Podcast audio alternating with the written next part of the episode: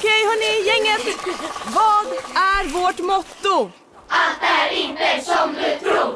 Nej, allt är inte alltid som du tror.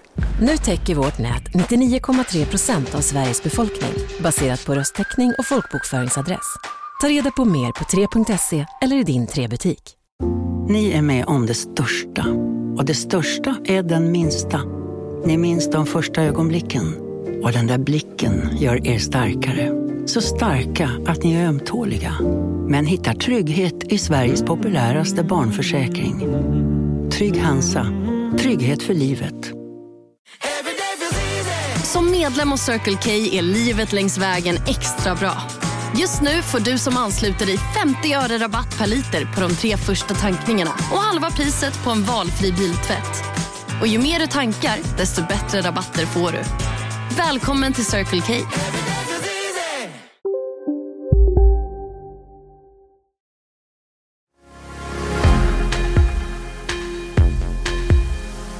Du har föräldrar som tappar kontrollen över sina barn, du har brist på manliga förebilder, du har 14-åriga killar som är familjens överhuvud.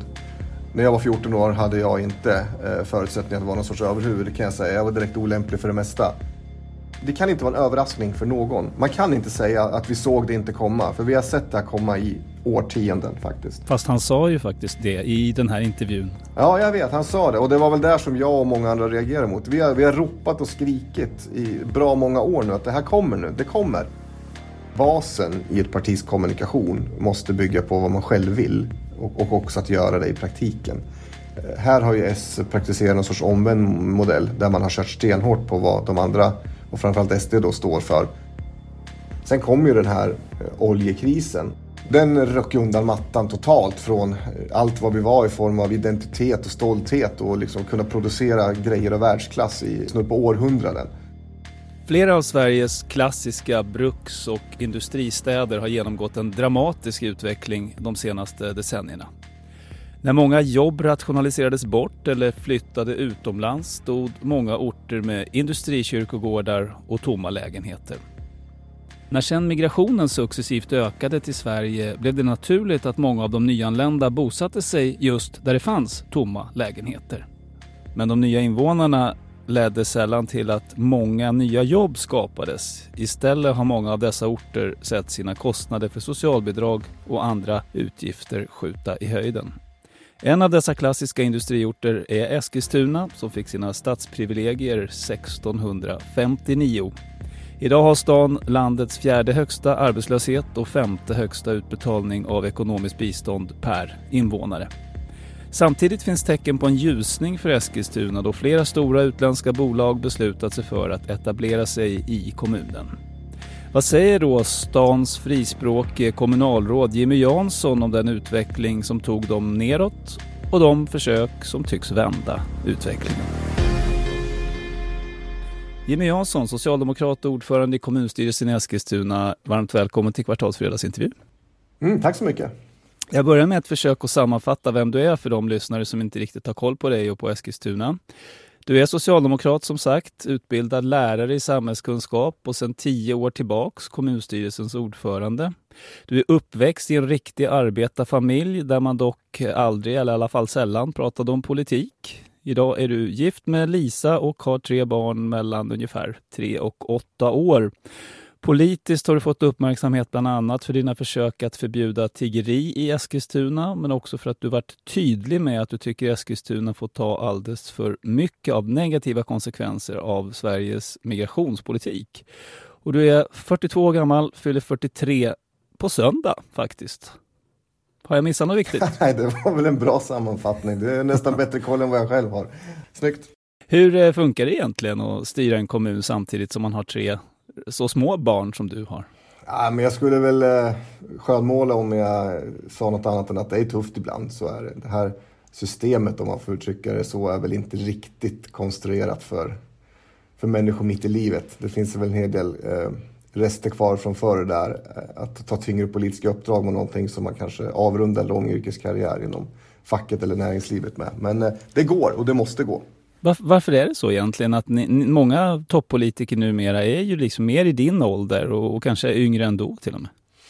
Ja, det har väl skett en förändring där eh, i någon mening. Exakt vad den beror på är väl, är väl svårt att säga. Men eh, jag tycker ju det är bra om vi har en, en, blandning. Det vill säga att vi har både väldigt unga som kanske inte har hunnit uppleva eh, så mycket i livet än men som har erfarenheter från hur det är att vara ung här och nu. Men också människor som har varit med väldigt, väldigt länge och, och kan bidra med den erfarenheten och kanske förhindra eventuella misstag som kan upprepas. Mm. Och sen att man är då när mitt emellan. Så någonstans har det väl blivit lite bättre tror jag eh, i den meningen. Alltså det har blivit en bättre blandning. Ibland låter det lite negativt att det är dålig representation och där är väl, finns väl också sådana perspektiv. Men jag tror ändå att Nixon är bättre idag. Livet innebär ju som bekant att prioritera. Vad är du mest eh, ledsen över att behöva försaka för att kunna ha det uppdrag som du har? Ja, men det är ju någonstans det här som du var inne på med barnen. Det är klart att eh, det finns ju ingen som tar hänsyn till, det måste jag själv hantera eh, efter bästa förmåga när det bränner till eh, och man ändå ska hämta barn på förskolan eller vara fokuserad på att leka eller, eller hjälpa till med läxan och så. Och så när det är andra som eh, ja, men trycker på och ska ha sin uppmärksamhet eh, utifrån sitt perspektiv. Och alla har ju rätt och det är jag som måste försöka hålla emot. Men i det så kommer man ju i kläm. Det, det är ju onekligen så. Det, mm. det kanske var tänkt att vara en, eh, en fin lördag tillsammans med, eh, med familjen. Men då bränner det till i någon medial fråga och då är man helt plötsligt borta ett par timmar och ska kommentera och svara och bli filmad och alltihopa det där. Så, och det har ju hänt mer än en gång, så är det. Om vi går över till den stad som du styr över då, Eskilstuna. Hur mår stan idag, tycker du? Ja, men både bra och dåligt. Lite grann som livet i stort kan man väl säga. Jag älskar den här staden, jag är uppvuxen här och är väl lagom miljöskadad därav också då. Men det finns två Eskilstuna. Ett som eh, haltar och där är riktigt tufft och till och med i vissa avseenden kanske går bakåt. Men också ett annat Eskilstuna och det är väl egentligen det dominerande Eskilstuna får man väl ändå säga idag. Där vi flyttar fram positioner hela tiden, också är otroligt offensiva och eh, ja, men levererar ny politik och resultat eh, varje dag.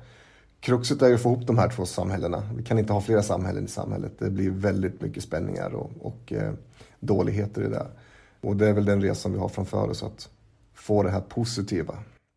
Det är lätt att bli nostalgisk, det är kanske en mänsklig egenskap det där. Men när skulle du ändå säga i den moderna historien, om vi säger från 50-talet och framåt, stod Eskilstuna på sin absoluta topp enligt din uppfattning? När mådde stan som bäst? Ja, men det var nog säkert eh, i början av 70-talet skulle jag säga. Det är ju lite före min tid, jag är född 78. Men eh, då hade vi ändå en rätt väl utbyggd välfärdsstat, hög grad av jämlikhet i landet. Man kan ha synpunkter på frihetsperspektivet. Det var ganska likformat och sådär på många sätt. Eh, men då hade ju städer som Eskilstuna verkligen eh, liksom en position. Sen kom ju den här eh, oljekrisen med ja, hyperinflation får man väl nästan kalla det för och fruktansvärd utkonkurrering av, av många, många små företag som Eskilstuna haft väldigt mycket av som hade väldigt mycket fin mekanik och annat. Det sopades ju av mattan så det bara dånade om det. Så det blev kollektiv depression och arbetslöshet och hela familjer hamnar ju i fördärvet egentligen. Och det var ju runt slutet på 70-talet. Så det gick väldigt fort kan man säga. Otroligt fort. Sen kom eh, 90-talskrisen och sen kom finanskrisen. Vilken av de här kriserna, om du nämnde ju oljekrisen, har slagit hårdast mot, mot din stad? Ja, men egentligen den första, för den röck undan mattan totalt från allt vad vi var i form av identitet och stolthet och liksom kunna producera grejer av världsklass i, i i decennier, i snudd på århundraden. Eh, så det är klart att det är tveklöst den som eh, rev sönder allt. Sen har vi ju successivt försökt kravla oss upp från de här och sen har det kommit en ny smäll och så kravlar vi oss upp och så kommer det en ny smäll. Så att vi är rätt härdade. Vi reser oss och borstar av oss och sen så tänker vi ja men det, nu laddar vi om för nästa skit och så kör vi vidare. Det blir väl en sorts mentalitet i, i det där också. Men kanske också finns det någon sorts orättvisa i det där. För vi tycker väl ändå att vi vi bidrar eh, till bruttonationalprodukten, till Sveriges framgångar, det är mycket export, jobbar och gnetar eh, och det är väl också där i någonstans det också kan växa en, eh, en irritation över att då samhället eller staten i stort, även om vi har utjämningssystem och annat som inte kompenserar fullt ut, skjuter på oss nya bördor så att säga och mm. säkert migration då kommer vi prata om och sådär. Så att, mm. så att Eh, ja, men det har varit en, varit en kamp, eh, men vi, är också, vi växer med den kampen och, och blir ju rätt, rätt tuffa och kaxiga och eh, lär oss saker i den också. Det ska man också se. Som jag beskrev inledningsvis så är arbetslösheten eh, hög i stan enligt Ekonomifakta, 14 procent. och räknar de väl in en del åtgärder gissar jag. Eh, Eskilstuna tillhör tillsammans med Malmö, Ludvika, Filipstad och faktiskt Vingåker mm. de fem kommuner som betalar ut mest försörjningsstöd per invånare. Varför har det blivit så med Eskilstuna då?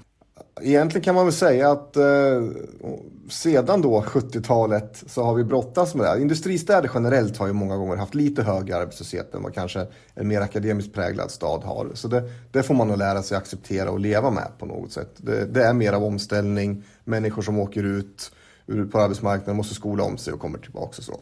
Det är helt naturligt.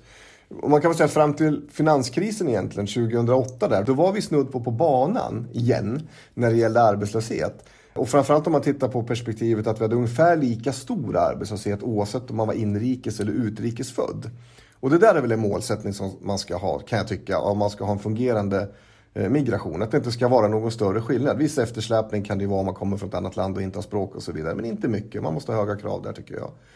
Men därefter... Jag läste om det där i E-Kuriren, jag måste bara ja, få ja, bryta in ja. där. De, de hävdar ju att det där stämmer inte riktigt. Så jag måste fråga dig, stämmer det riktigt? Alltså var det verkligen en ungefär samma arbetslöshet mellan utrikes och inrikesfödda innan finanskrisen? Ja, i princip om man tittar på den statistik vi har från Arbetsförmedlingen så var det inte så jättestor skillnad då. Utan eh, det låg ungefär på samma, samma relativt höga då jämfört med andra städer kanske då nivå. Men därefter så barkar det iväg rejält. Så klyftan i alla fall, oavsett vad som är sant exakt med siffrorna, klyftan har växt åtminstone? Oerhört. Och man kan säga att vi hade ju, och nu finns det ju före och efter pandemin också, men om man liksom ska prata om någon sorts normalläge eh, så, så kanske vi aldrig återgår till det riktigt då. Men, men så hade vi en arbetslöshet bland inrikes födda och det finns ju människor med utrikes bakgrund i det, men om man är född i landet i alla fall, som var nere på ja, men runda slänga 5-6 procent. Medan vi samtidigt då hade en arbetslöshet bland utrikesfödda på nästan 30 procent. Mm. Och där summa summarum blir de här 14 procenten. Och då kan man inte komma till någon annan slutsats, menar jag, än att vi, vi har ett problem när det handlar om eh, kopplingen mellan inflyttning av människor via det här EBO-systemet till exempel, där vi har haft ungefär tusen människor varje år i många år som har kommit till Eskilstuna, men ingen relation till arbetsmarknad. Utbildningen har varit otroligt bristfällig och den blir allt mer bristfällig eh, och så. Och det är klart att det skapar ju en hel del problem på bostadsmarknaden och arbetsmarknaden och i samhället i stort. Vad är det för sammansättning på invandrarna i Eskilstuna? För det där är ju faktiskt lite olika. Det blir mm. liksom, eh, man dras kanske dit där landsmän bor och sådär. Hur ser det ut ungefär? Nej men det där är otroligt viktigt och det där bortser ju en del från. Bland annat nämnda tidning som du lyfte här. Mm. Att de, de, tänker så här, ja men den här stan har också haft hög invandring. Kolla vad bra det har gått för dem. Varför har det gått så fruktansvärt dåligt för Eskilstuna? Och då har man ju ingen kunskap och förståelse om att det spelar roll vart man kommer ifrån. Det är skillnad på om du kommer från ett land som inte haft någon, någon nationalstat, inget utbildningsväsende, inga eh, strukturer eller lagar och regler att prata om. Det har, det har varit liksom kaos. Än om du kommer från ett land med någorlunda fungerande struktur med, med utbildningar eh, och annat. Och vi har eh, många gånger fått ta emot människor från den förstnämnda kategorin. Då pratar vi typ Somalia till exempel, eller? Ja, precis. Och, så. och framförallt på senare år, för så var det inte riktigt tidigare. Då hade vi mycket kristna från Irak till exempel som kom till Eskilstuna. Långt innan 2008 då. Och då såg vi inte samma problem, för man var van att starta företag. Man var otroligt entreprenöriellt lagd. Det var inget konstigt att ta sig in eh, på eh, en, en, utbildning till exempel för barnen och så vidare. Man, man, man eh, blev ganska snabbt en del av samhället och så. Men sen skulle jag säga att kanske sista 10-15 åren då så har någonting hänt som handlar väldigt mycket om typen av mottagande men också arbetsmarknadens och bostadsmarknadens oförmåga att möta upp mot de otroligt stora behov som, som vi har lagts på oss. Mellan tummen och pekfingret, ungefär hur fördelar sig de största grupperna procentuellt? Då? Ni har, var fjärde är ju född utrikes ungefär i Eskilstuna, eller hur? Mm. Uh, av dem, av den, av, I den gruppen, vilken är den största respektive näst största och hur stora är de där grupperna? Ja, den största har ju av hävd varit uh, finländare som har otroligt varit mycket och byggt Eskilstuna. Det är en del av vår kultur och den, den är vi jättestolta över och så. Men sen därefter, och den har, gruppen har nog precis åkt om, så kan man säga att arabisktalande, det är väl så man kan sammanfatta det. Så då är det från, från de länderna som har, eh, har det här språket som, som bas. Och, och, det är en ganska stor blandning av, av eh, människor. Men det är klart att eh, Irak eh, har ju under perioder varit en del, Syrien då sista åren. Eh, och då finns det ju ofta en bild av att de som kom från Syrien var väldigt välutbildade allihopa. Och många var det, men alla var faktiskt inte det. Och dessutom så är det lite grann så att man söker sig till olika kommuner beroende på vilka nätverk eh, man har och, och så. Då tar man med sig så att säga kanske sitt, sin plats eller position i klassamhället som man hade hemma. Den, den tar man med sig hit eh, på något sätt också. Så det är mycket mer komplext än vad många vill låtsas förstå. Eh, och det där eh, är lite halvproblematiskt när man ska föra debatten även på hemmaplan. Just när det gäller utbildningsnivån hos dem, den stora grupp som kom 2015, så minns jag att jag tittade på det där. Den stora skillnaden var inte hur många högutbildade det var bland infödda svenskar och de som kom, för den var ungefär lika stor. Utan den mm. stora skillnaden var i andra änden, alltså hur många väldigt lågutbildade som fanns. Ja. Där var skillnaden. En, en bra värdemätare på det här, vi har ju SFI som vi har, den är uppdelad i tre kategorier. Mm. Eh, de som i princip inte kan läsa och skriva och räkna, Alltså det är nästan där man skriver eh, eh, sitt namn med, med tumavtryck, höll jag på att säga. Man gör det väldigt tydligt. Då. Mm. De som är mittemellan och de som har en akademisk eller hy rätt hygglig utbildning med sig i bagaget. I kategori 3 då. Vi har väl ingen, eller kanske en, i kategori 3. Eh, och vi har inte haft någon där på jättelänge. Men vi har nästan alla i kategori 1. Och så har vi en arbetsmarknad i Sverige som kräver mer och mer. Det kräver mer språk, det kräver mer av utbildning. Har man ingen gymnasieutbildning idag så har man ju jättetufft på arbetsmarknaden oavsett var man kommer ifrån, om man är infödd eller inte. Alltså jag förstår, kategori 1 är alltså den där man måste, börja med alfabetiseringen. Alltså Exakt. Lära sig läsa och skriva. Mm. Och där är det fullt, eller har varit fullt. Nu sjunker ju mottagandet i Sverige. Sen får vi se långsiktigt om det håller i sig. Men men där är trycket enormt. Men i kategori 3, där man är otroligt mycket på banan många gånger, där är det tomt. Som jag sa, ungefär var fjärde Eskilstunabo är född i ett annat land. Du har ju ofta framhållit i debatten att den här migrationspolitiken som Sverige nationellt har fört har fått orimliga konsekvenser för Eskilstuna. Är det det här du syftar på då, som vi pratar om nu? Ja, Bland annat. Alltså Sverige har ju troligtvis en större kapacitet än vad som har tagits tillvara eh, om man hade haft en betydligt större styrning av det mottagandet som vi har. Det vill säga att man kanske hade kommunplacerat människor och sagt att du får bo här, här har du ett paket med insatser, du ska verkställa det. När du har uppnått en viss nivå, då är du fri att fatta dina egna beslut kring hur du vill leva ditt liv i Sverige som alla andra. Men så har inte vi jobbat, utan det har ju varit en idé om att, eh, eh, ja men ett ganska fritt inflöde får man väl säga och framförallt så har vi rätt naivt eh, accepterat att EU har svikit Dublinförordningar och annat, det vill säga första asylland ska gälla och så vidare. Vi har adderat på en, en EBO-lag som ju är helt absurd, där människor under radarn flyttar in i städer, bor på svartkontrakt många gånger, kanske till och med blir utnyttjade, betalar hiskeliga hyror måste trixa för att få etableringsersättningar. man måste ha en fast adress. Det driver liksom på. Mm. Ja, det där, man kan dra ut det där hur långt som helst. Men Södertälje har ju drivit frågan hårt. Eskilstuna likaså. Och jag tror att även Malmö har gjort det. Där man då har lagstiftningar som, som bygger de här problemen. Och bygger segregation och bygger fusk och mygel.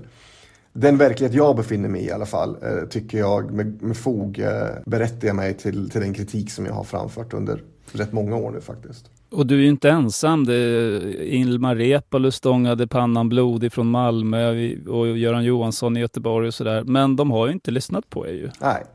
Varför inte? Vi har ropat väldigt högt och tydligt. Vad ligger i andra vågskålen som kan förklara att de ändå inte lyssnar? Vet du, jag önskar att jag visste det och förstod det. Menar du? Du måste väl ha hört deras bästa argument? Ja, nej men jag tycker inte att man får några motargument. Man har inte fått några motargument. Det som brukar kastas fram ibland är att vi ska värna asylrätten. Men handen på hjärtat, hur bra funkar asylrätten i världen idag? Vi har 60, kanske 70 miljoner människor på flykt, många är barn.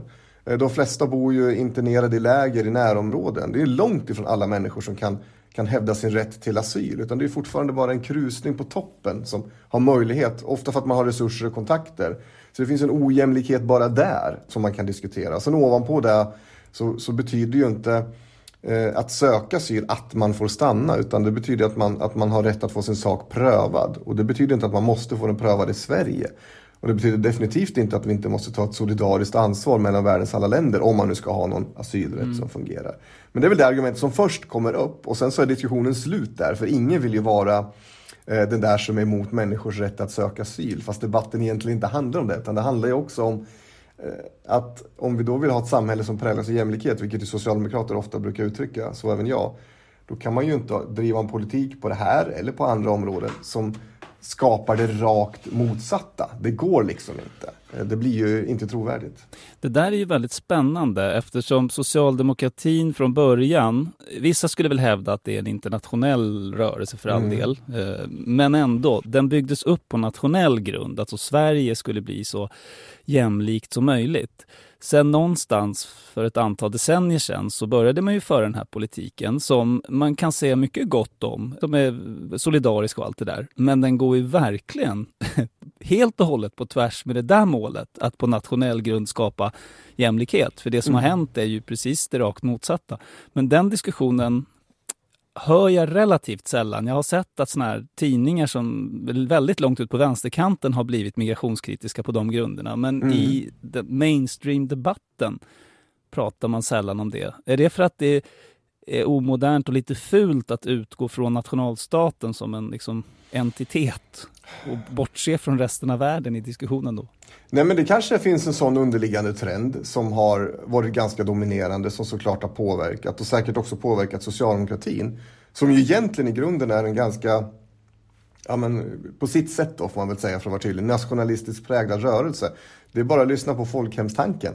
Eh, och så kan man ju prata om skelgrisar och styrbarn. Vi har ju verkligen skapat otroligt många styrbarn. Eh, och säkert en och annan skelgris också i det här samhället som kan plocka ur vinster i välfärden och sånt där. Så att... mm. Ja, alla vi som bara får göra ränteavdrag och se våra liksom, småhus växa i värde med 20 procent om året. Precis. Snacka om kelgrisar. Ja, mm. nej, men, men så är det. Och hyresrätten är straffbeskattad istället. Va? Så, att, så att det, det finns ju egentligen på område efter område där lite grann kanske socialdemokratin har gått bort sig. Eh, och jag tror vi kommer tillbaka till under samtalet kring vad det har fått för konsekvenser. Mm. Eh, men, men där har det nog grundproblematiken, att man har tappat en del av sina rötter. Om man hade varit trygg i rötterna och hållit i det, då hade det heller inte varit svårt att prata migrationspolitik på ett sakligt och eh, balanserat sätt utan att den frågan skulle ha lämnats över till, till krafter som eh, kanske har andra agendor och andra så säga, perspektiv som ligger i, i botten. Eh, men, men här har ju socialdemokratin uppenbarligen inte lyckats.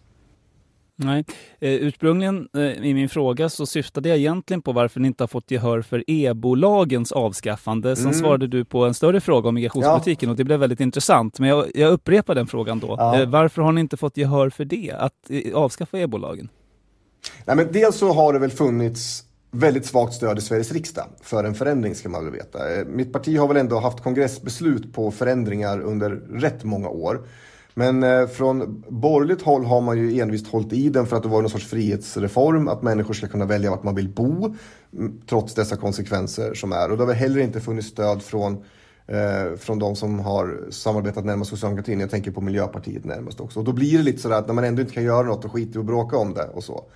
Och nu gjorde man ju något halvtappert försök i januariavtalet där man från S-sidan lyckas få med någon sorts förändringar. Men man ska inte överskatta resultatet av det.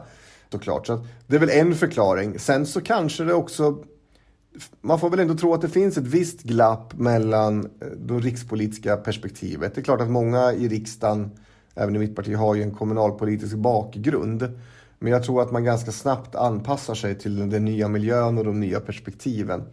Eh, och glömmer bort kanske eh, vad det var man brottades med. Sen är det väl heller inte så att det är jättemånga kommuner som har haft de allra största och mest allvarliga konsekvenserna. Och då har vi, trots att en del kommuner är ganska stora, som Malmö till exempel, eller Södertälje, eller för all del Eskilstuna, vi har blivit ganska ensamma eh, i den här kritiken. Och resultatet av att man skulle göra en förändring skulle innebära att andra kommuner måste ta emot fler, om man inte minskar det totala mottagandet. Och då blir den frågan helt plötsligt ganska jobbig för en del, kan jag tänka, om man ska ha någon teori. Jag förstår.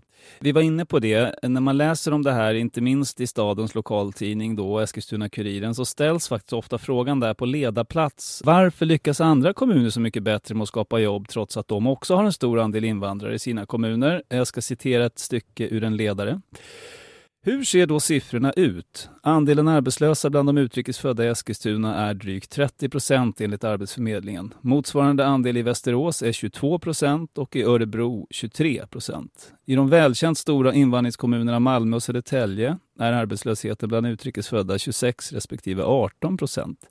Varför presterar Eskilstuna så dåligt? Varför ligger kommunen i botten av snart sagt alla tabeller över sysselsättning och social problematik och har gjort så både när invandringen varit hög och när den varit relativt låg? Har det parti som styrt Eskilstuna i över hundra år något ansvar för det? Ja, vad är ditt svar till Eskilstuna-Kurirens ledarskribent? Det är klart att ett parti har ett ansvar. Eh, det, det vore konstigt annat i en, i en demokrati. Men det är också så att vi, vi verkligen har försökt och försöker med allt. Och har noga och jobbar hela tiden med att analysera och försöka förstå varför är det så här? Vad är det som händer? För vi jobbar på extremt mycket med yrkesutbildningar. Men vi har inte lyckats, alltid lyckats fylla platserna till exempel, vilket är helt absurt när man har 7-8 tusen människor som är arbetslösa. Men då beror det på att man inte är färdig för den här yrkesutbildningsplatsen. Det är väldigt svårt att haka på en sån om man inte kan läsa och skriva svenska till exempel. Och så. Så att en stor del av förklaringen är nog just vad det är för typ av mottagande som Eskilstuna har haft. Och då måste man ställa sig frågan varför ser det annorlunda ut då? Ja, då beror det sannolikt på eh, tidigare mottagande, det vill säga hur människor söker sig till platser där man kan hitta någon sorts nätverk eh, som, med människor som kan hjälpa en in i samhället på olika, olika sätt och vis. Vi ser också en tydlig trend att det finns en inflyttning till Eskilstuna men inte en utflyttning. Alltså man studsar inte så mycket som man gör på många andra ställen. Eh, det där jobbar vi ihop med SKR bland annat för att försöka se och förstå. Och det gäller alltså då utrikesfödda också? Ja, precis. V vad det där beror på. Det är ju bra om människor stannar för att man har kom kommit i arbete och liksom etablerat sig och blivit en del av samhället. Då är det inga synpunkter. Men man, man stannar eh, ändå. Eh, och det normala är att man studsar då. Nej, men jag fick inget jobb här, det löste sig inte, jag söker mig vidare. I synnerhet eftersom det här är människor som är många gånger ganska rotlösa och redan har flytt rätt långt bort ifrån. Så man har ju ingen koppling till Eskilstuna. Och då tror vi att det där kan bero på flera aspekter. Det beror delvis på grupperingar. Eh, vi ser ett tydligt mönster att det kan handla om, om starka personer, kopplingar till bland annat klanstrukturer. Faktiskt. Jobbigt att prata om, men det finns ett sådant perspektiv. Där det övertrumfar förmågan att komma i arbete eller inte. Det kan handla om hur Eskilstuna historiskt, som ju är en kommun som har haft en ganska stor stolthet över sin socialpolitik eftersom vi skulle möta eh, industrialismens eh, stora nederlag så att säga, som vi pratade om för en stund sedan. Där människor, då var det inte utrikesfödda utan då var det, var det industriarbetare, arbetarklassen som, som snudd på slogs blodiga av de förändringarna som var. Eh, och, och, då byggdes det upp en otrolig kultur kring, kring att eh, försöka möta upp och fånga människor i en, en svår situation. Att det där kan leva kvar, vilket gör att det blir för lite kravställande eh, och för mycket omhändertagande i det socialpolitiska perspektivet. Det har vi jobbat stenhårt med de sista fem sex åren nu att försöka styra om. Sen är ju lagstiftningen som den är. Eh, ja, där var ju du ute i blåsväder för du, eh, du, ja det kallades att du skickade ut en testballong, eller var väl mer än det. Du menade att man skulle eh, göra det annorlunda för den här gruppen egentligen då när det gällde tillgång till delar av välfärden. Ja, det. Och det snackades om att du skulle ta upp det med riksdagen och sådär. Sen så backade du lite grann efter kritik och sen har inte jag sett vad det blev av det där. Vad blev det av det där? Ja, alltså vi, vi backar nog inte så mycket. Det var snarare ett förtydligande. Det vi menar var att eh, vi har ett försörjningsstöd i Sverige idag. En, en, ett, ett sista skyddsnät som ju är jättebra eh, i grund och botten, tanken. Men det ska ju bara vara en tillfällig lösning för den enskilda individen där alla andra vägar är uttömda. Inte en permanent försörjning år ut och år in för personer som inte har språket eller har en utbildning som är tillräcklig för svensk arbetsmarknad. Det har blivit en, en eh, en sorts medborgarlön eh, på ett sätt eh, för de som inte klarar sig på annat sätt. Det var aldrig tanken. Och vi ser också enorma inlåsningar där eh, försörjningsstöd ihop med andra typer av stöd, i synnerhet om du är kvinna, kan ändå skapa ersättningar. Du får hyran betald, där har du den stora utgiften. Ersättningar som faktiskt går att leva på. I synnerhet om du kommer från ett land där du har en struktur som är vitt främmande för vad vi är vana och en standard som är något helt annat än vad vi är vana med i Sverige så, så går det faktiskt att skapa sig en, en, en, typ av liv på den inkomsten som gör att du inte har några incitament att, att utbilda dig. Och framförallt, alltså, även om du har det så kan du inte för du sitter fast i de här så att säga, ekonomiska fällorna. Du förlorar pengar på att ta de här kliven. Men tror du inte att de människorna också i grunden mår väldigt dåligt över att försörjas av andra? För man, man, varje människa vill ju försörja sig själv. Jo, absolut. Och det, det är där som är problemet med debatten. Att eh, vår utgångspunkt har ju alltid varit en systemkritik. Och det är det som är lite sossigt då. Att vi vänder oss i kritik mot, mot systemen som gör så här med människor. Inte att människor själva i grund och botten är onda. Utan det handlar om att vi, vi bygger in det här. Eller bygger det runt människor. Fast de egentligen inte vill. Träffar jättemånga som är de, de flesta vill bara jobba. De vill bara jobba. Sen, sen finns kanske inte det där jobbet i Sverige som man skulle vilja ha därför att man har inte den utbildningen och så vidare. Men det är en annan historia, det kan man jobba med. Så att det är absolut inte så att det är människorna det nödvändigtvis är fel på utan det är systemet som skapar de här problemen. Och lik förbaskat då så måste man ju då ändå komma tillbaks till grunddiskussionen. Hur många kan, människor kan vi ta emot med de här förutsättningarna under en viss tidsperiod i relation till det system som vi har skapat? Och om vi inte klarar det, vad får det för följdeffekter i form av arbetslöshet, klyftor, att man tappar kontrollen över sina barn, framförallt sina unga pojkar som blir destruktiva och, och hamnar i andra situationer där, där det flödar pengar och så vidare. Så det är hela tiden där diskussionen har landat, men det finns många som vill missförstå oss mm. eh, i, vårt, eh, i vår eh, diskussion. Därför att man tror att vi är ute efter något, något annat. Men det handlar inte om det. Men kärnfrågan då, har ni lyckats hitta någon modell som ni kan föreslå där man kan få bort det här beteendet att se socialbidraget eller eh, det ekonomiska biståndet som en permanent försörjning? Det vi gjorde var att ställa en skrivelse från mitt parti då till eh, framförallt den migrationspolitiska gruppen. De hade ju ett ganska snävt uppdrag eh, i riksdagen men det, det fanns ju fler frågor på bordet. Men vi ville få in de perspektiven där. Vi tänkte att de måste tänka integration också, inte bara antal personer. Det hänger liksom ihop. Eh, så vi gjorde en skrivelse, den har vi inte fått något svar på från något parti faktiskt, fast alla partierna finns representerade där. Som handlar just om att skapa ett separat spår, lyft ur eh, migrationsspåret ur egentligen det som idag är socialtjänstlagen, men det skulle väl vara en, en ytterligare del av socialtjänstlagen, men med samma anda. Men så att inte kommunalt försörjningsstöd blir ett sätt att låsa in människor på det sättet, utan att staten tar ett ansvar för sin migrationspolitik. Har ett tydligt program, kring den här individen och familjen.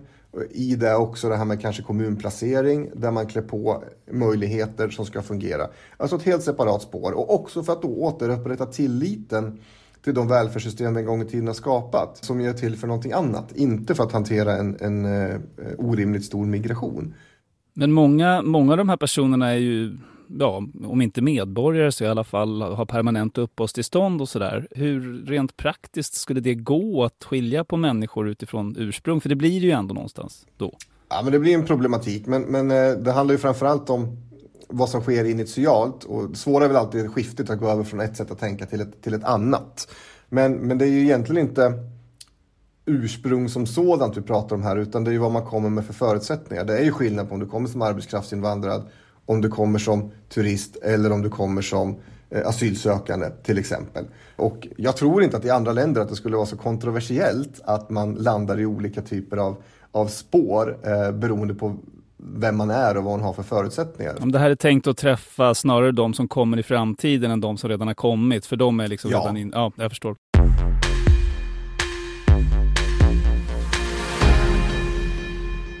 Fredagsintervjun är Kvartals äldsta podd och har nu funnits i precis tre och ett halvt år. Sedan den allra första fredagsintervjun den 10 november 2017 med förre statsministern Göran Persson har vi nu gjort över 150 program.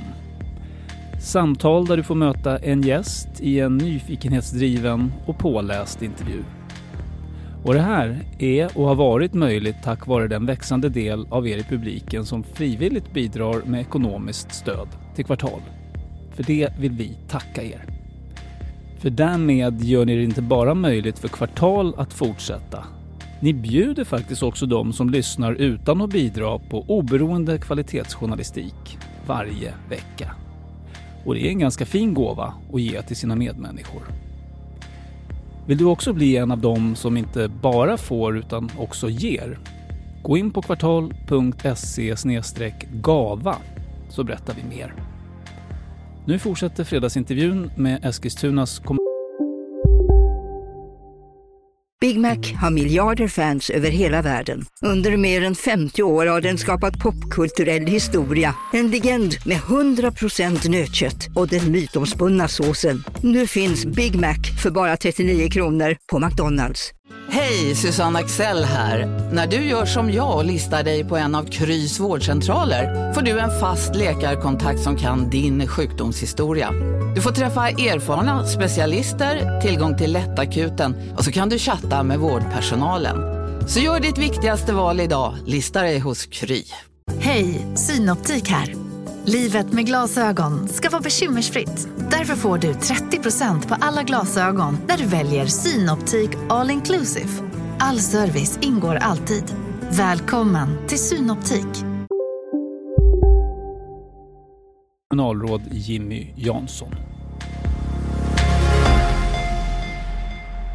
Arbetslöshet och socialbidrag är ju några problem som din hemstad har dragits med eh, en längre tid. Men vi har ju också en våldsutveckling som du var inne lite grann på som har drabbat även Eskilstuna. Jag räknade till åtminstone tio skottlossningar på, på de senaste tre åren. Och alldeles nyligen så friades en 17-åring i Eskilstuna tingsrätt från misstankar om att ha skjutit ihjäl en jämnårig person. Då, då var båda 16 år vid, vid det tillfället. Och det skedde i den stadsdel där du själv är född faktiskt, Nyfors. Eh, vad har den där händelsen väckt för tankar hos dig? Ja, men jag tar den här typen av händelser väldigt personligt. Det har jag gjort från, från första gången det hände så att säga. Vi har ju alltid haft våld i vår stad. Men förr handlade det mer om att man söp ner sig och sen så slog man ihjäl sin superpolare med yxa i lägenheten. Så grovt våld har, har funnits i Eskilstuna i alla tider. Det är en del av arbetarstaden också tyvärr då eh, ihop med tidigare då med kanske alkohol och, men också med droger och sådana saker. Så att i den meningen så är det, är det inget nytt. Men det har ju ändrat karaktär även hos oss. Och varje gång det sker så gör det ont. Därför att det, det liksom um, det träffar hjärtat på något sätt i, i vårt samhälle. Det, det skapar sån enorm otrygghet varenda gång det sker. Och särskilt när det är unga människor. Mm, det här var ju barn i lagens mening faktiskt. Ja, det är barn. Mm. Det är barn. Nej, men det, det är ingen, ingen utveckling vi någonsin kan acceptera. Det måste få ett stopp. Eh, men jag tror också man måste vara ärlig och, och, prata om vad som är orsakerna bakom. Många gånger, inte alltid. Men, men det är klart att det bottnar ju många gånger i, i motsättningar mellan människor. Eh, oftast unga män. För du, de här som skjuter på varandra, de kan lika gärna ha en syrra på universitetet. Det är det som är så absurt. Man kommer från samma familj, samma uppväxt, samma dåliga eller bra förhållanden. Men ut, utkom, utgången blir så otroligt olika. Och då måste man också fundera över vad det är som, som händer eh, och sker i det här. Vi kan lyssna på din partiledare bara, mm. eh, statsminister Stefan Löfven som fick frågor om den allmänna våldsutvecklingen i Sverige i en uppmärksammad intervju i SVTs Agenda. Eh, så här lät det då. Rätt. Och det gäller Men jag bara undrar för mycket av både fattigdomen och utanförskapet och gängbrottsligheten är ju eh, numera etnifierad. Det är, liksom, den är, den, eh, det, fin, det är mycket fler människor med utländsk bakgrund som både är fattiga och utsatta och som finns i de här gängen. Utav kopplar du ihop invandringen med segregationen? Nej, jag kopplar ihop, eh, som jag säger, segregationen beror på att eh, det är för låg sysselsättning, för hög arbetslöshet i, i de här områdena. Men det hade ju varit oavsett vem som hade bott. Om du så sätter dit människor som är födda i Sverige under samma förutsättningar så får du samma resultat. Så hade vi, haft, samma, får jag bara fråga, hade vi haft samma situation även om vi inte hade haft den, här, den stora flyktinginvandring som vi haft de senaste decennierna? Om, om de, eh, de ekonomiska klyftorna och de sociala orättvisorna hade varit detsamma. Svar ja, det är min bestämda uppfattning. Mm. Eh, det där reagerade ju du rätt starkt mot. Varför det? Jag, jag tycker att socialdemokratin alltid har ett ansvar att vara, vara tydlig med sakernas tillstånd och inte krångla till saker och ting jag lyssnar på det igen, det är faktiskt intressant att få höra det igen. Ja, det har gått några månader sedan dess, eller år till och med, något år. Mm. Ja, och, och, jag förstår fortfarande inte riktigt vad det är som sägs. Eh, jag delar ju eh, programledarens beskrivning och jag förstår vad det är Stefan är ute efter, men det blir, det blir fel. Därför att de här miljonprogramområdena, om vi nu pratar om dem, det är inte de i sig som gör att en eh, ung kille beväpnar sig och, och eh, börjar sälja droger för snabba pengar och sen till slut skjuter någon eh, som vedergällning för någonting. Det är inte husen, det är inte de här stadsmiljöerna sig, utan det är något som skapas. Bland annat, och där vi har pratat om, brist på, såklart som Stefan är inne på, ojämlikhet, alltså otillräckliga resurser till, till välfärd, till skola och så. Men också för att vi har haft väldigt många människor som har kommit till Sverige som inte har fått ett tillräckligt bra mottagande. Eh, och det där har man låtit pågå i, i rätt många år. Det som händer idag är ju ofta ett resultat av misslyckanden, om man får säga misslyckanden, men kanske 15 år tillbaks i tiden. Så det blir intressant att se vad som händer 2000 eh, eller vad som händer nu och hur det kommer påverka 15-20 år. Intressant säger mm. du. Alltså jag kan få lite kalla kårar faktiskt eftersom jag åtminstone inte ser några riktigt pigga idéer som skulle kunna ändra det här. Nej. Och då blir man ju lite rädd. Riktigt rädd skulle jag säga. Därför att du har ju rekryteringen till det här. Och eh, jag, vet, jag, satt, jag kollade tillsammans med min hustru nu på den här serien eh, Snabba Cash. Jag med. Vi, vi avslutade igår faktiskt. Ja, och, den, och, och, hon var så bestört över att vad fan, det var ju inget lyckligt slut. Och sa nej, det ska inte vara ett lyckligt slut, så, för det är så här det är. Mm. Det, det, det, finns inga lyckliga slut i det här, tyvärr. Nej, men jag är jättebekymrad ska jag säga. Vi försöker ju möta upp det med eh, något som vi kallar för Trygga Unga bland annat. Det är 30 miljoner mm. för sociala insatser och sånt. Och det är väl många kommuner som kämpar och försöker. Malmö har jobbat med Sluta skjut till exempel och vi, vi plockar delar av det också i vårt arbete även om vi inte haft riktigt samma situation eh, mm. som Malmö har och så. Men eh, det pratas mycket om samhällets samlade kraft eh, och allt det här. Men jag skulle vilja hävda att här, här behöver man verkligen göra någonting otroligt kraftfullt. Både på kommunal nivå, men vi, är, vi har socialtjänsten. Och det, mm det rullar på. Vi lägger pengar på den, det vill jag lova. Men, men det krävs ju något mer från samhället som helhet. Så är det. Både hårda tag, men kanske också mjuka tag. Mm. Vi har ju pratat om det utanförskap då kan man säga, som blir livet för en stor andel av de mm. som invandrar till, till, Sverige. Och till att börja med kan vi ju enas om, och det har vi sagt också, det är inget fel på människorna i grunden beroende på var de är födda. Människor är människor, det finns dåliga och bra människor i alla delar av världen. Men allt för mm. många flyktinginvandrare tycks ju ändå, eh, det händer någonting för dem i mötet med Sverige. Något som gör att de hamnar utanför och, och även deras barn trots att de är födda här. Mm. Vad handlar det om tror du? Alltså vad är det i det här mötet som inte lirar? Ja, men framförallt är du inne på barnen. Alltså, de här föräldrarna de har ju inte haft någon annan ambition än att det ska gå bra. De har ju flytt för att det ska gå bra för barnen och för att man ska bygga upp ett annat liv. I det har man då kanske många gånger misslyckats. Du har inte kommit i arbete. Det var inte så lätt som man kanske trodde och hoppades på. Resan att ta sig hit var en sak, men resten av resan då, att eh, skaffa sig ett språk och utbilda sig vidare, bli en del av samhället, den har man inte riktigt orkat med. Så då har du barn som har sett sina föräldrar växa upp i ett misslyckande. Det har inte funnits pengar. Para, som det låter när man mm. snackar. Det, det, det är mycket pengar. Och så går tugget på gymnasieskolan i Eskilstuna också. Det är pengar, pengar, pengar, pengar hela tiden. Liksom. Vi ska ha mm. pengar. Mm. Och så. Eh, därför att det är status, det är också möjligheter här i livet. Bredvid dig har du människor som, eh, som har sånt som du inte har. Det driver också på oss. Eh, den svenska avundsjukan slår också in här eh, på något sätt. Du har också kanske en grundläggande annan syn som du får med dig i synen på vad, vad är staten och vad är samhället? Och lojaliteten mot det. Var går gränserna för vad som är okej okay och inte okej? Okay? Om du kommer från ett land där staten är något som du kanske inte riktigt litar på. Alltså där polisen snarare spöar dig än skyddar dig. Och man har sett massa otrevligheter eh, i sina stadsdelar där man kommer ifrån. Alltså jag tror att det är ett spektrum av olika orsaker och det är väldigt olika lite beroende från fall till fall. Men det här sammanfaller på något sätt eh, och bottnar i just det att du har föräldrar som tappar kontroll över sina barn, du har brist på manliga förebilder, du har 14-åriga killar som är familjens överhuvud när jag var 14 år hade jag inte eh, förutsättningar att vara någon sorts överhuvud, det kan jag säga. Jag var direkt olämplig för det mesta. Och, och det här borde vi ha kunnat sett. Det finns forskning på det, socialtjänster har sett det i årtionden. Eh, vi ser det i vilka som eh, eh har eh, hamnat i, i, i polisens klor. Det, ingen, det, kan inte vara en överraskning för någon. Man kan inte säga att vi såg det inte komma, för vi har sett det här komma i årtionden faktiskt. Fast han sa ju faktiskt det i den här intervjun. Ja, jag vet, han sa det och det var väl där som jag och många andra reagerade mot. Vi har, vi har ropat och skrikit i bra många år nu att det här kommer nu, det kommer. Mm. Eh, och vad gör vi? Våra, våra sociala budgetar blöder. Vi skickar iväg unga på institutionsplaceringar med taskigt resultat för 12 000 kronor dygnet. Och det bara fylls på med nya ungdomar för skolorna mäktar inte med. Eh, för skolorna ska vara skolor och inte socialtjänst och så vidare. Och frågan är ju det vi pratade om tidigare, är det här bara prologen? Har vi inte ens kommit in i, i filmen än? I så fall är det ju oroväckande.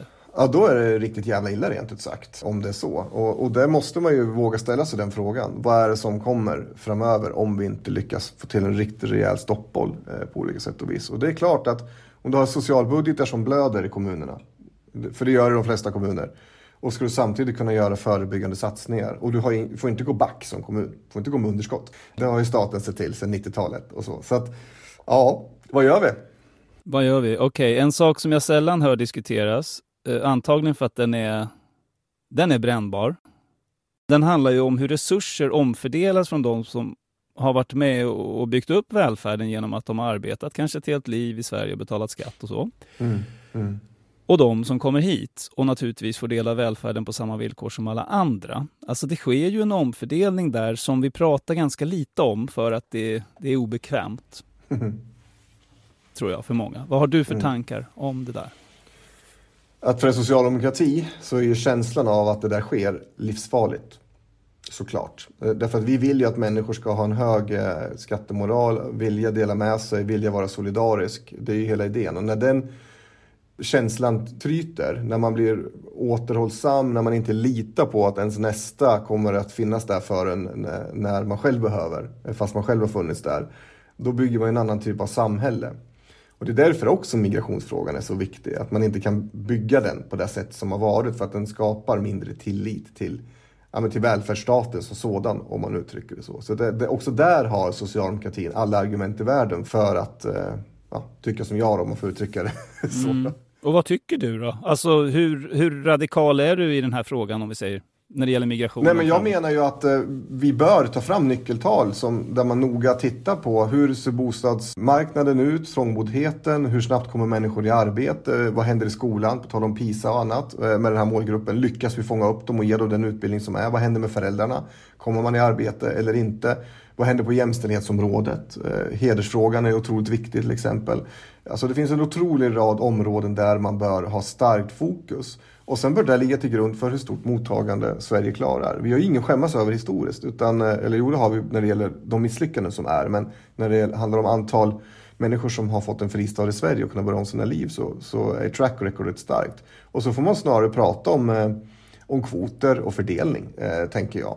Och se till att man har ett mottagande som klarar det och kanske till och med en, en liten paus under några år för att jobba i fatt så att de de eh, tusentals människor som är i Eskilstuna faktiskt får en chans att eh, göra det de hade företagit sig när de tog sig till Sverige från början.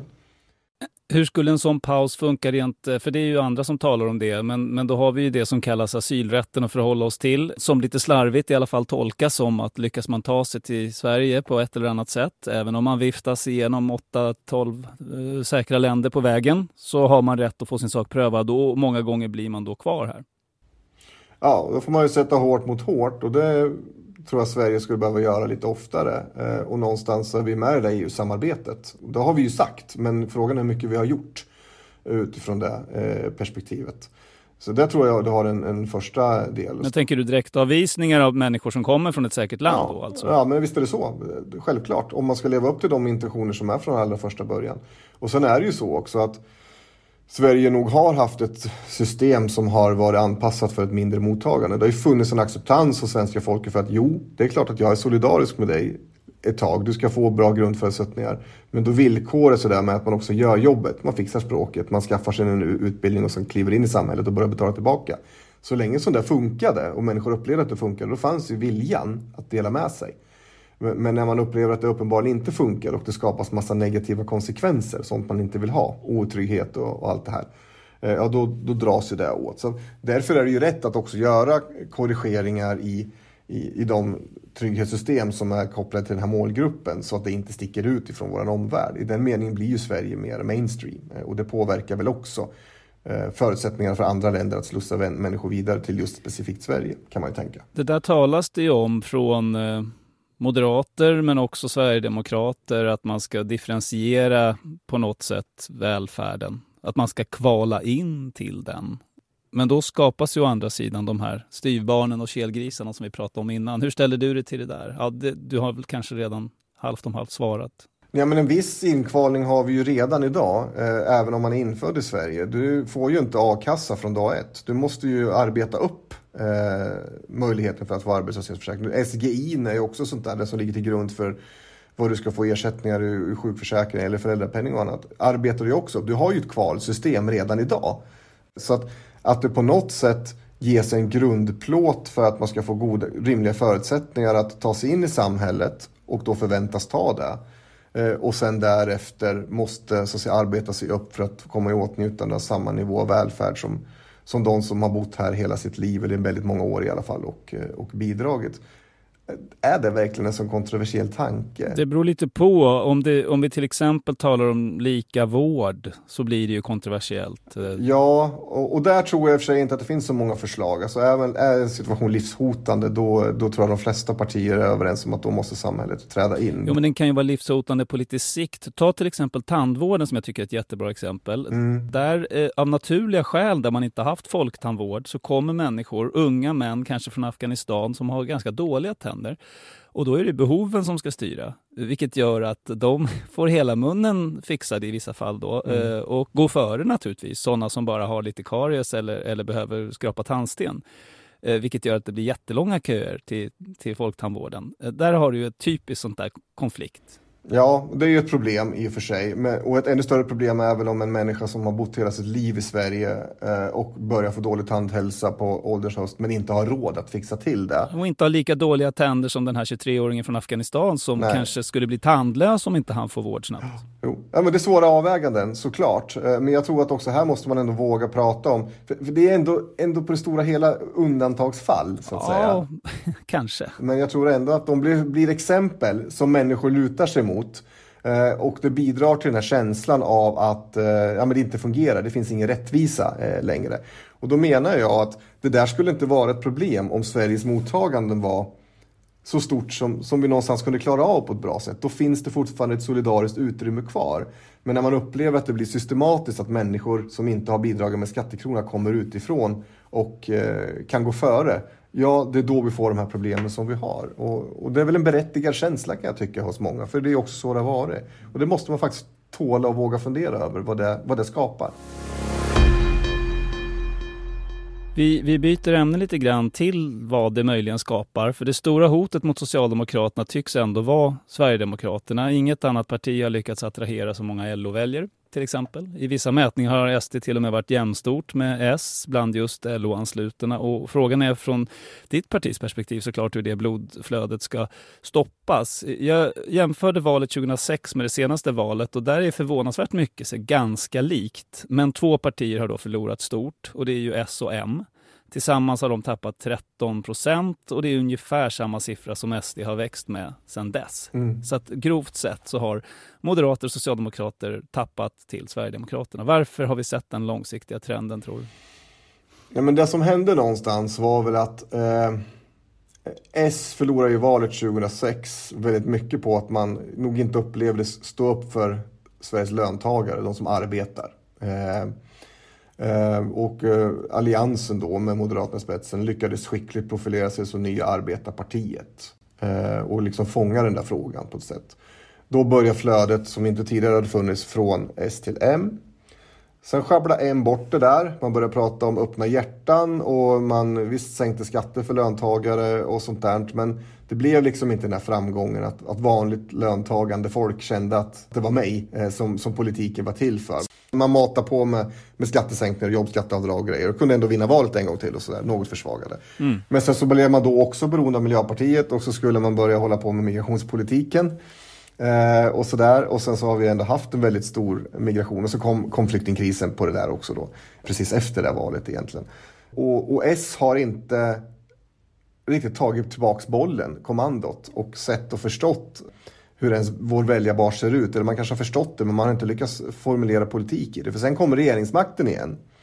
Eh, och den begränsar ju eh, på många sätt och vis. Och det är väl S stora så att säga trick man behöver göra framöver. Försöka ställa sig vid sidan av regeringsmakten fast man regerar. Det är ju svårt. Mm. Men jag tror vi måste bli allt bättre på det. Att partiet har en hållning som man driver stenhårt och faktiskt också vågar ta strid i, i parlamentet ibland för vissa frågor. Och de andra partierna får bekänna färg.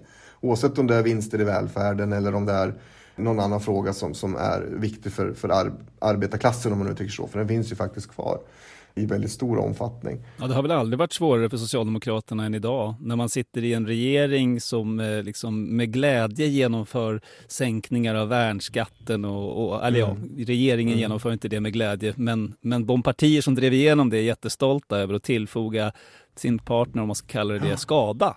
Eh, ja. Vilket blir en ganska märklig grej. Nej men så är det ju. Så fin är ju politiken. Den är otroligt glamorös eh, ibland. Där drivkraften kan vara snarare att man ska panga på någon, någon annan än att man själv ska nå, nå politiska framgångar. Det har vi sett mycket av och det är absurt i sig. Och mitt i det står ju SD. Alltså det är ju det som har drivit fram alla de här konstiga beteendena. Hur man förhåller sig till det här partiet. SDs, eh, SDs problem är väl väldigt mycket att man aldrig har behövt ta ansvar. Och oftast är det så att om man den dagen skulle stötta en regering eller till och med sitta i en regering så blir det nog lite pyspunka till slut. Det tror jag man faktiskt får, får utgå ifrån. Framförallt så finns det ju ingen arbetarvänlig politik på den sidan. I synnerhet inte om man ska genomföra den med moderater och, eh, och liberaler.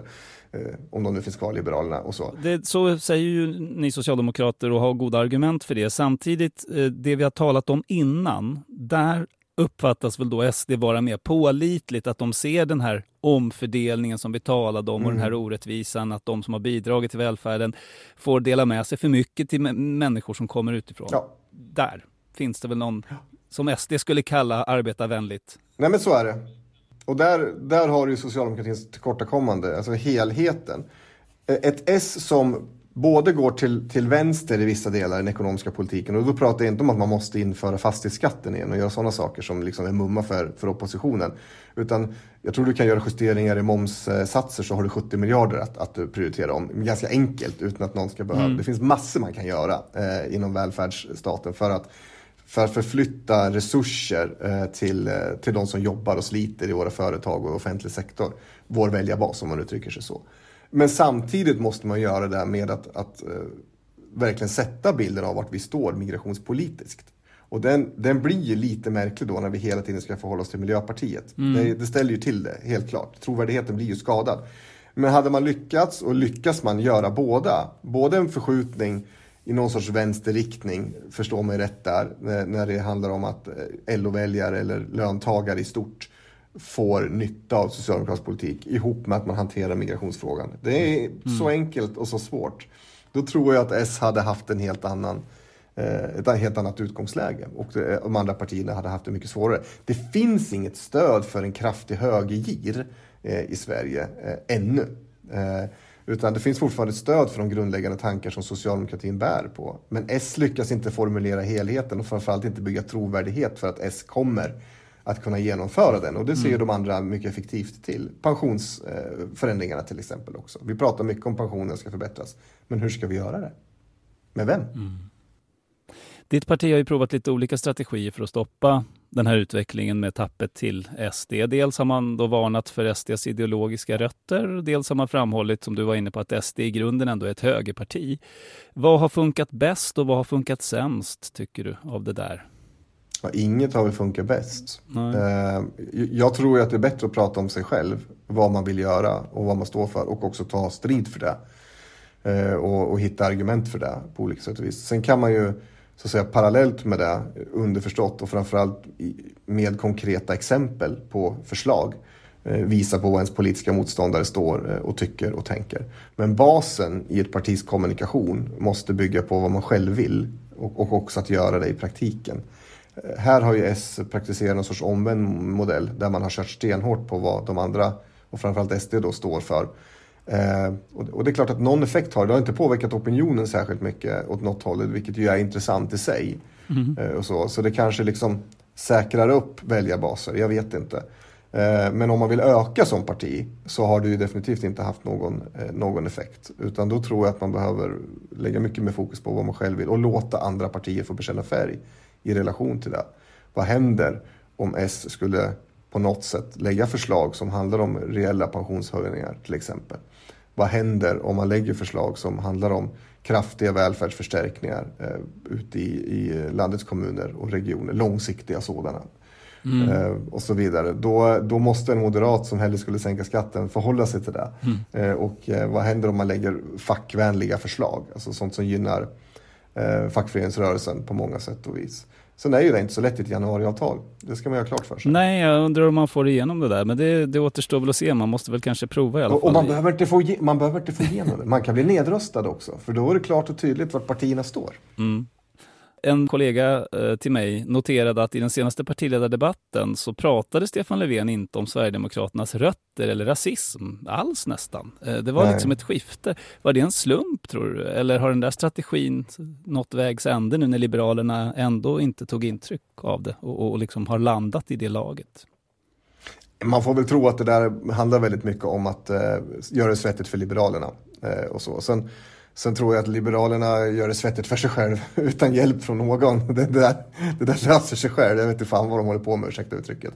Eh, eh oavsett vad. De, är, ja, de kanske kommer finnas kvar efter nästa val, men, men eh, tveksamt va. Eh, så, så att eh, nog är det nog säkert en återgång till att försöka rikta om fokus till att prata om vad man själv vill. Det får man väl hoppas och utgå ifrån. Så du tror inte att det blir ett, ett val fullt av nazism och anklagelser då och eh, brunsmetning som det kallas? Nej, jag hoppas inte det. Eh, utan jag hoppas att det blir ett val som består i att eh, såväl Sverigedemokraterna som eh, de övriga partierna i det blocket, om det nu är ett sådant block, får, får bekänna färg utifrån vart de står i satsningar på, på välfärden som människor faktiskt är beredda att betala för om man känner att pengen går till rätt sak. Mm. Det vill säga att migrationspolitiken fungerar. Eh, att, det- att det blir en, en eh, strid om att, att, att fackföreningsrörelsen stärks och att LO-arbetare känner att man har, har liksom framgångar med hjälp av socialdemokratisk politik. Och där får ju en moderat eller en kristdemokrat och även en sverigedemokrat lite halvjobbigt att haka på. Avslutningsvis då, Eskilstuna är en anrik industristad. En hel del jobb har försvunnit, inte minst då som vi har sagt i samband med finanskrisen 2008. Men den senaste tiden har det faktiskt kommit en del goda nyheter. Näthandelsjätten Amazon har etablerat sig med ett lager i Eskilstuna. Nyligen blev det också klart att det kinesiska bolaget eh, Senior, om de nu uttalar sig så, etablerar sig i stan. Så frågan är om det har vänt för, för Eskilstuna. K- kan du berätta lite kort hur det kommer sig att de här utländska jättarna har valt just Eskilstuna för sin etablering? Mm, vi har jobbat otroligt enträget sen eh, ja, men egentligen slutet av 90-talet med eh, att stärka våra kommunikationer eh, i, i Mälardalsregionen. Vi var otroligt isolerade som stad egentligen fast vi var så, så framgångsrika under många, många årtionden. Eh, det har handlat om att få högskolan till att bli universitet. Det har vi också fått besked om nu. Eh, också att nyttja det geografiska läget vi har och skapa en plattform för att kunna attrahera, bygga relationer och, och, och verkligen få de här företagen att hitta till oss. Och nu, nu har vi ju spräckt någon sorts glastak upplever vi då, där, där det börjar hända saker på riktigt. Och vi är jättestolta och glada över det. Eh, och vi tror att det här kommer kunna, kunna fortsätta. Vi, vi har jättebra dialog med väldigt många intressenter som vill till Eskilstuna. Så det är fler som står på kö tror du? Våran logistikpark eh, och företagspark som vi har, har eh, lagt som grund för det här för ett antal år sedan, den är, det finns 2% kvar som inte offererat. Så vi håller på nu att detaljplanlägga och ta fram ytterligare mark. Det är ett otroligt, otroligt tryck. Men då borde det hända en hel del med arbetslöshetssiffrorna tänker jag, eller? Eh, ja, under förutsättning att de som vi har hos oss och är arbetslösa utbildar sig och kan ta de här jobben. Annars kommer det flytta in människor utifrån som kan ta de här jobben. Det kommer också påverka arbetslöshetssiffrorna.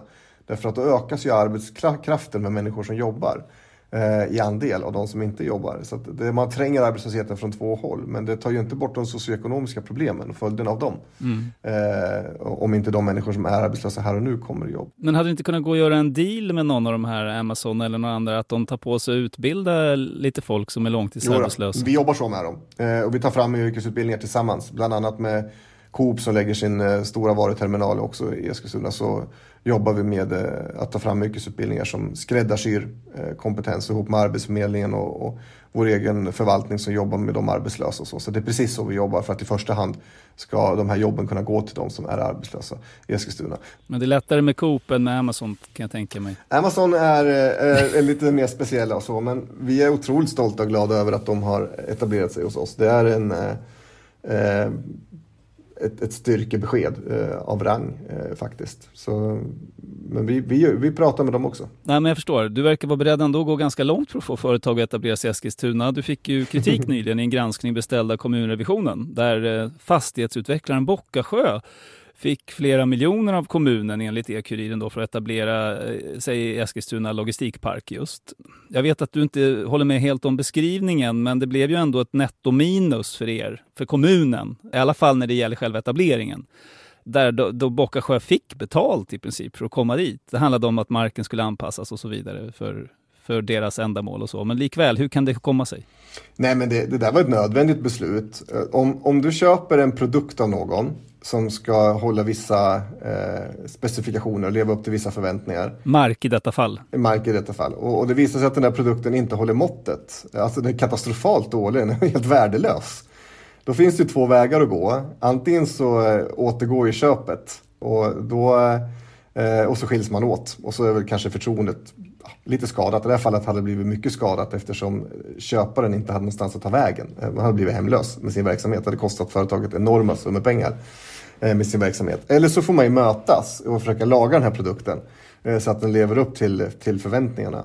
Och det här företaget eh, tog faktiskt på sig den största kostnaden, många, många gånger större än vad kommunen tog på sig. Så att det var ingen som fick några pengar utan det blev ett stort ekonomiskt hål hos det här företaget och kommunen tog en liten del det är så det gick till. Sen kan man ju välja att uh, vrida och vända på det där, hur man, hur man känner för det. Jag skulle gissa att de granskande reporterna på E-Kuriren kommer vrida sig i plågor nu när inte jag ställer initierade följdfrågor, men jag har inte den detaljkunskapen i den här frågan. Jag förstår det. Men det sades i alla fall i E-Kuriren att det skulle ha blivit 150 jobb av det här men det blev bara hälften. Vad säger du om det? Ja, men det är så här, när ett företag etablerar sig i en kommun så säger de att fullt utbyggt, fullt upprampat om ett antal år, då eh, kan det bli så här många jobb. Och det finns ju inte ett företag som kommer vilja prata med Eskilstuna-Kuriren längre om hur många jobb det blir.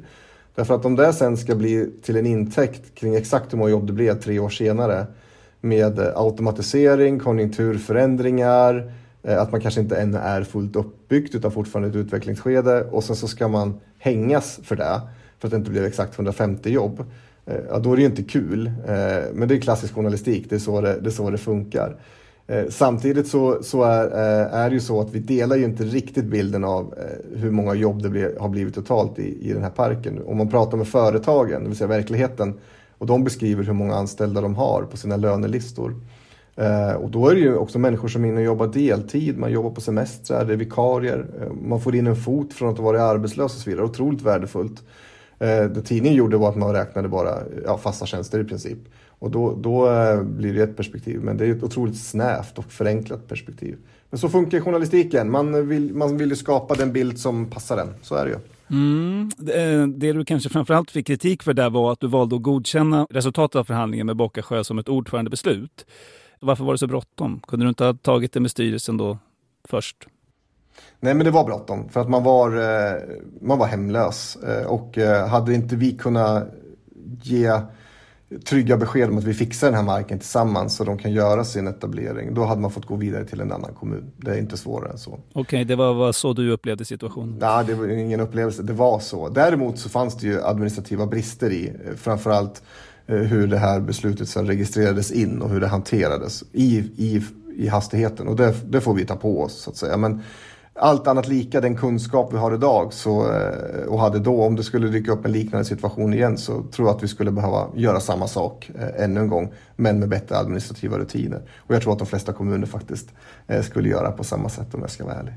Till sist då Jimmy Jansson, det kommer inte dyka upp en massa överraskande detaljer kring varför Senior och Amazon etablerat sig i Eskilstuna. Massa skumma avtal där kommunen bjussar på grejer och så. Nej, det tror jag inte. Det här är ju en rest av eh, att vi för rätt många år sedan skrev avtal som baserades på att vi trodde att marken faktiskt var väldigt, väldigt bra på alla delar här. Och så. Eh, så att eh, det blev liksom en konsekvens av av det. Nu är form, eh, avtalen formulerade på ett helt annat sätt där vi friskriver oss eh, från den typen av eh, garantier. Vi, vi är försiktigare med att utlova vad produkten innehåller, så vi har lärt oss. Jimmy Jansson, socialdemokratisk ordförande i kommunstyrelsen i Eskilstuna. Stort tack för att du var med i Kvartalsfredagsintervjun. Mm, tack så mycket.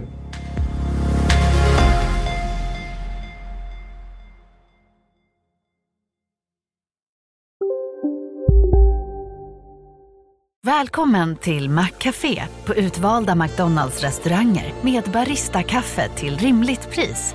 Vad sägs om en latte eller cappuccino för bara 35 kronor? Alltid gjorda av våra utbildade baristor.